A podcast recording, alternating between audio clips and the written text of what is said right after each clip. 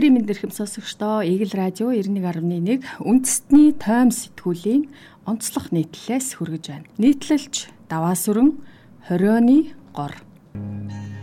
Өсвөр насны хүүгийнх нь авир ариншин өөрчлөгдөж ярилцаж харилцахад бэрх болсныг эцэг их нь төдийлөн анзаарсангүй. Ийн ажил гэрийн хооронд амс хийх чөлөөгүй, амьд үйж, бор хоног шар өдрүүдийг юу ч анирдах чөлөөгүй. Илээх зур 15 настай хүүн арх тамхи хэрэглээ зогсохгүй ахуун хэрэглээний газ хүртэл үнэрлдэг болсон байв. Хусавч арилгаж хүсвч буцаах боломжгүй алдаа гаргаснаа ухаарсан эцэг их нь сэтгэл зүйчэд хандаж хүүдээ сэтгэл заслын эмчилгээ хийлгэж эхэлжээ. Ээж аавынх нь болон сэтгэл зүйчийн зөвшөөрсний дагуу дээрх гэр бүлд тохиолдсон үйл явдлыг нийтлэлдээ дурдж байна. Хүүгийн аав өсвөр насны хүүхэдтэй эцэг эхчүүдэд сануулга өгөх зорилгоор хувийн мэдээлэлээ нууцлахыг хүсэн бидэнд мэдээлэл өгсөн юм а. Тэрээр хүү маань цовоо цолгүүн ирч хүчтэй байсан. Гэтэл хөл хорой тогтоосон 2 жил ааш аяг нь эрс хувирсан бараг үг дуурахгүй болж өдрийн турш утас зурагттай нөхөрлөх болсон. Гэрээсээ гарахаач байсан. Шилжилтийн наснаас шалтгаалаад ийн өөрчлөгдсөн байхаа гэж эхнэр бит хоёр бодож байлаа. Гэтэл хичээл нь орж эхэлснээс хойш гэрийн бараа харахаа байж эхэндээ хичээл их байна гэд их орооддаг боллоо. Сүүлдээ шүн гертээ ирж хонхооч болсон. Найзындаа даалгавар хийн би даалттай гих зэрэг тайлбар хэлдэг байсан болохоор хүүдээ итгэж бит хоёр ирсэн юм а. Гэтэл нэг өдөр цагдаагийн газраас яриад танаа хүү ахуун хэрэглээний газ үнэрлэж байгаад баригдлаа гэдэг юм. Үнэхээр чихэндээ ч итгээгүй. Сонсоод өөрийгөө л буруутгасан. Буруу замаар будаа тэгээд байгааг нь мэдсэн даруйда сэтгэл засалчд хандсан юм а. Айлын ганц хүүхэд болохоор их ганцаарддаг байсныг нь сэтгэл зүйчээс л мэдсэн томчууд бид хүүхдээ ойлгодгүй юм блэ? Найз нөхөд шиг ярилцаж харилцах хэрэгтэйг саяхан л ухаарлаа.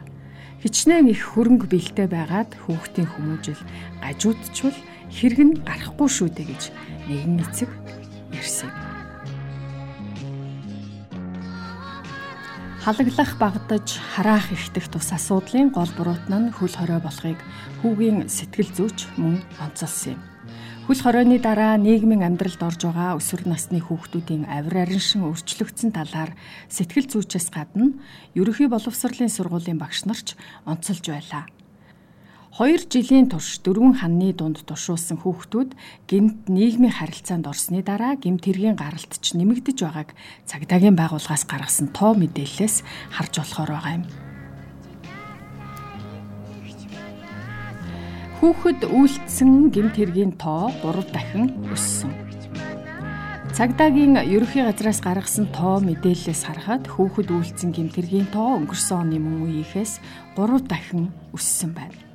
Тодруулбал 2021 оны 2 дугаар сард 15-аас 17 насны хүүхэд үйлдсэн гэмт хэрэг 43 удаа бүртгэгдсэн бол энэ тоо 2022 оны 2 дугаар сард 138 болж нэмэгджээ. Түүнчлэн хүүхэд гэмт хэргийн хохирогч болсон тохиолдлын тооч мөн өссөн байна. Өнгөрсөн жилийн 2 дугаар сард 174 хүүхэд гэмт хэргийн улмаас хохирсон байдаг бол 2022 оны 2 дугаар сард тустоо 362 болж өсжээ. Энэ нь хөл хорой суларсантай холбоотой болохыг цагдаагийн байгууллагаас мэдгдлээ. Цагдаагийн ерөнхий газрын гэр бүлийн хүчирхийлэл хүүхдийн эсрэг гэмт хэрэгтэй тэмцэх хилцээний дарга цагдаагийн хошууч баяр баясгалан хөл хорионы хугацаанд гэмт хэргийн гаралт буурч байсан харин хичээл сургууль орж эхэлсэнтэй холбоотойгоор гэмт хэргийн тоо өсөх хандлагатай байна. Хүүхдийн үйлдсэн гэмт хэргийн тоо ч өнгөрсөн жилийнхээс нэмэгдсэн. Хүүхдүүд ихэвчлэн хүний эрүүл мэндийн халдшгүй байдлын эсрэг эм тэрэг үлдэж байна. Энгийнээр тайлбарлал хин нэгний биед халдаж хүчирхийлэх төрлийн гэм тэрэг их бүртгэгдэж байгаа юм. Мөн хүний эд хөрөнгийг хулгайлах төрлийн гэмт хэрэг мөн өсөх хандлага ажиглагдж байна. Үүнээс гадна хүүхэд гэмт хэргийн хохирогч болох тохиолдол ч мөн олширлоо. Гэхдээ хөл хорой тогтоохоос өмнөх үеийнхээс буюу 2018 2019 оныхоос гимтэргийн гаралт нэмэгдээгүй ойролцоо байгаа. Хөл хорой суларсантай холбоотойгоор гимтэргийн гаралт нэмэгдсэн бөгөөд 2018 19 оныхтай харьцуулахад ойролцоо байгаа талаар цагдаагийн алба хаагч инхүү мэдээллээ. Гэхдээ цагдаагийн ерөнхий газраас гаргадаг статистик мэдээлэлээс харахад хүүхэд үйлцсэн гэмт хэргийн тоо хөл хорой тогтоохоос өмнөх үеийнхээсээ 4-өөс 5 дахин нэмэгдсэн байна. 2018 болон 2019 оны 2 дугаар сард 15-аас 20 хүүхэд гэмт хэрэг үйлдсэн хэрэгээр цагдаагийн байгууллагад шалгагдж байсан. Харин энэ жил дээрх тоо 138 болж өсжээ. Дээрх мэдээллээс харахад хөл хорой тогтоосны дараах нэг жилийн хугацаанд хүүхэд үйлдсэн гэмт хэргийн тооч хүүхэд хохирсон гэмт хэрэгч эрс нэмэгдсэн болох нь харагдаж байна. Хөгжих эрхээ дөнгөлүүлсэн хүүхдүүдийн хүмүүжил гажвуу. Хүүхдүүдийнхээ авир ариншин аж байдлыг ойлгохгүй гайхаж тасарсан эцэг их олон байгааг ерөнхий боловсролын сургуулийн багш нар ч онцолж байлаа.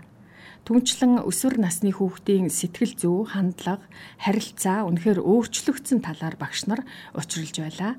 Бид энэ талаар хэд хэдэн сургуулийн багш нартай уулзаж тодруулсан юм. Тэдний төлөөлөл болох нэгэн багшийн өгсөн мэдээллийг сэрүүлээ. Нийслэлийн дугаар сургуулийн багш Б За би 10 дугаар ангийн анги даасан багш манай ангийнхан сүүлийн 2 жил их өөрчлөгдсөн. Шилжилтийн нас нь учир өөрчлөгдөхөөс ч өөрцгүй. Гэхдээ би өмнө нь 2 ч анги төгсгсөн. Аль нь ч одоогийн ангийнхан шиг байгаагүй. Саяхан нэг судалгааны байгууллага манай ангийн хүүхдүүдээр сэтгэл зүйн тест бөглүүлсэн. Энэхүү судалгааны багийн гишүүн танай ангид стрессгүй хэвийн сэтгэл зүйтэй хүүхэд нэгч байхгүй байна гэж хэлсэн юм. Эцэг эхчүүд ч энэ тал дээр их санаа зовнож байгаа. Хэд хэдэн ээж аав ирж хүүхдүүдийнхээ аашаарншин зан хэрхэн хувирч байгааг учруулсан юм. Хүүхдүүд их уцаартай, төрөмгий болсон, бие биетэйгээ таарахгүй, багш нартай ч мэтгэлцэн, ихэнх нь эцэг эхтэйгээ ч мөн таарамжгүй харилцаатай байдаг юм шиг анзаарэгдсан гэж нэгэн багш мэдээлэл өгсөн.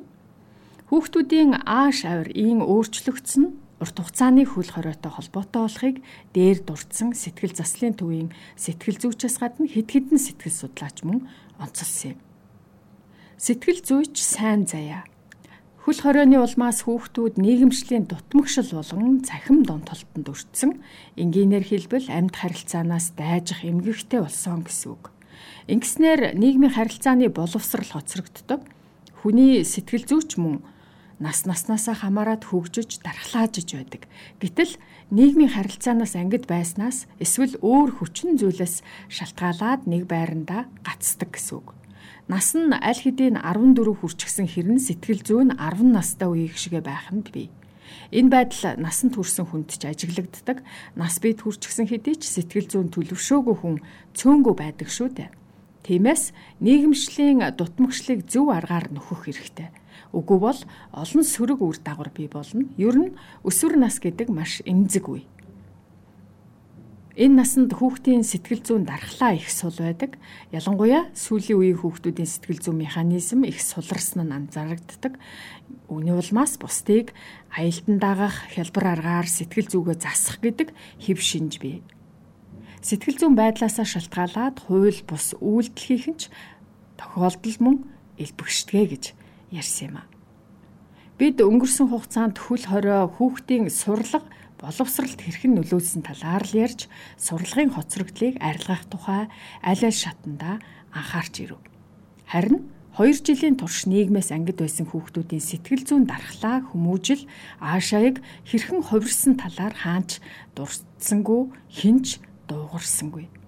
Гэтэл хүүхдийн сэтгэл зүй үзэл бодлыг зөв чиглүүлж төлөвшүүлэх нь хамгийн тулгамдсан асуудал болоод байна.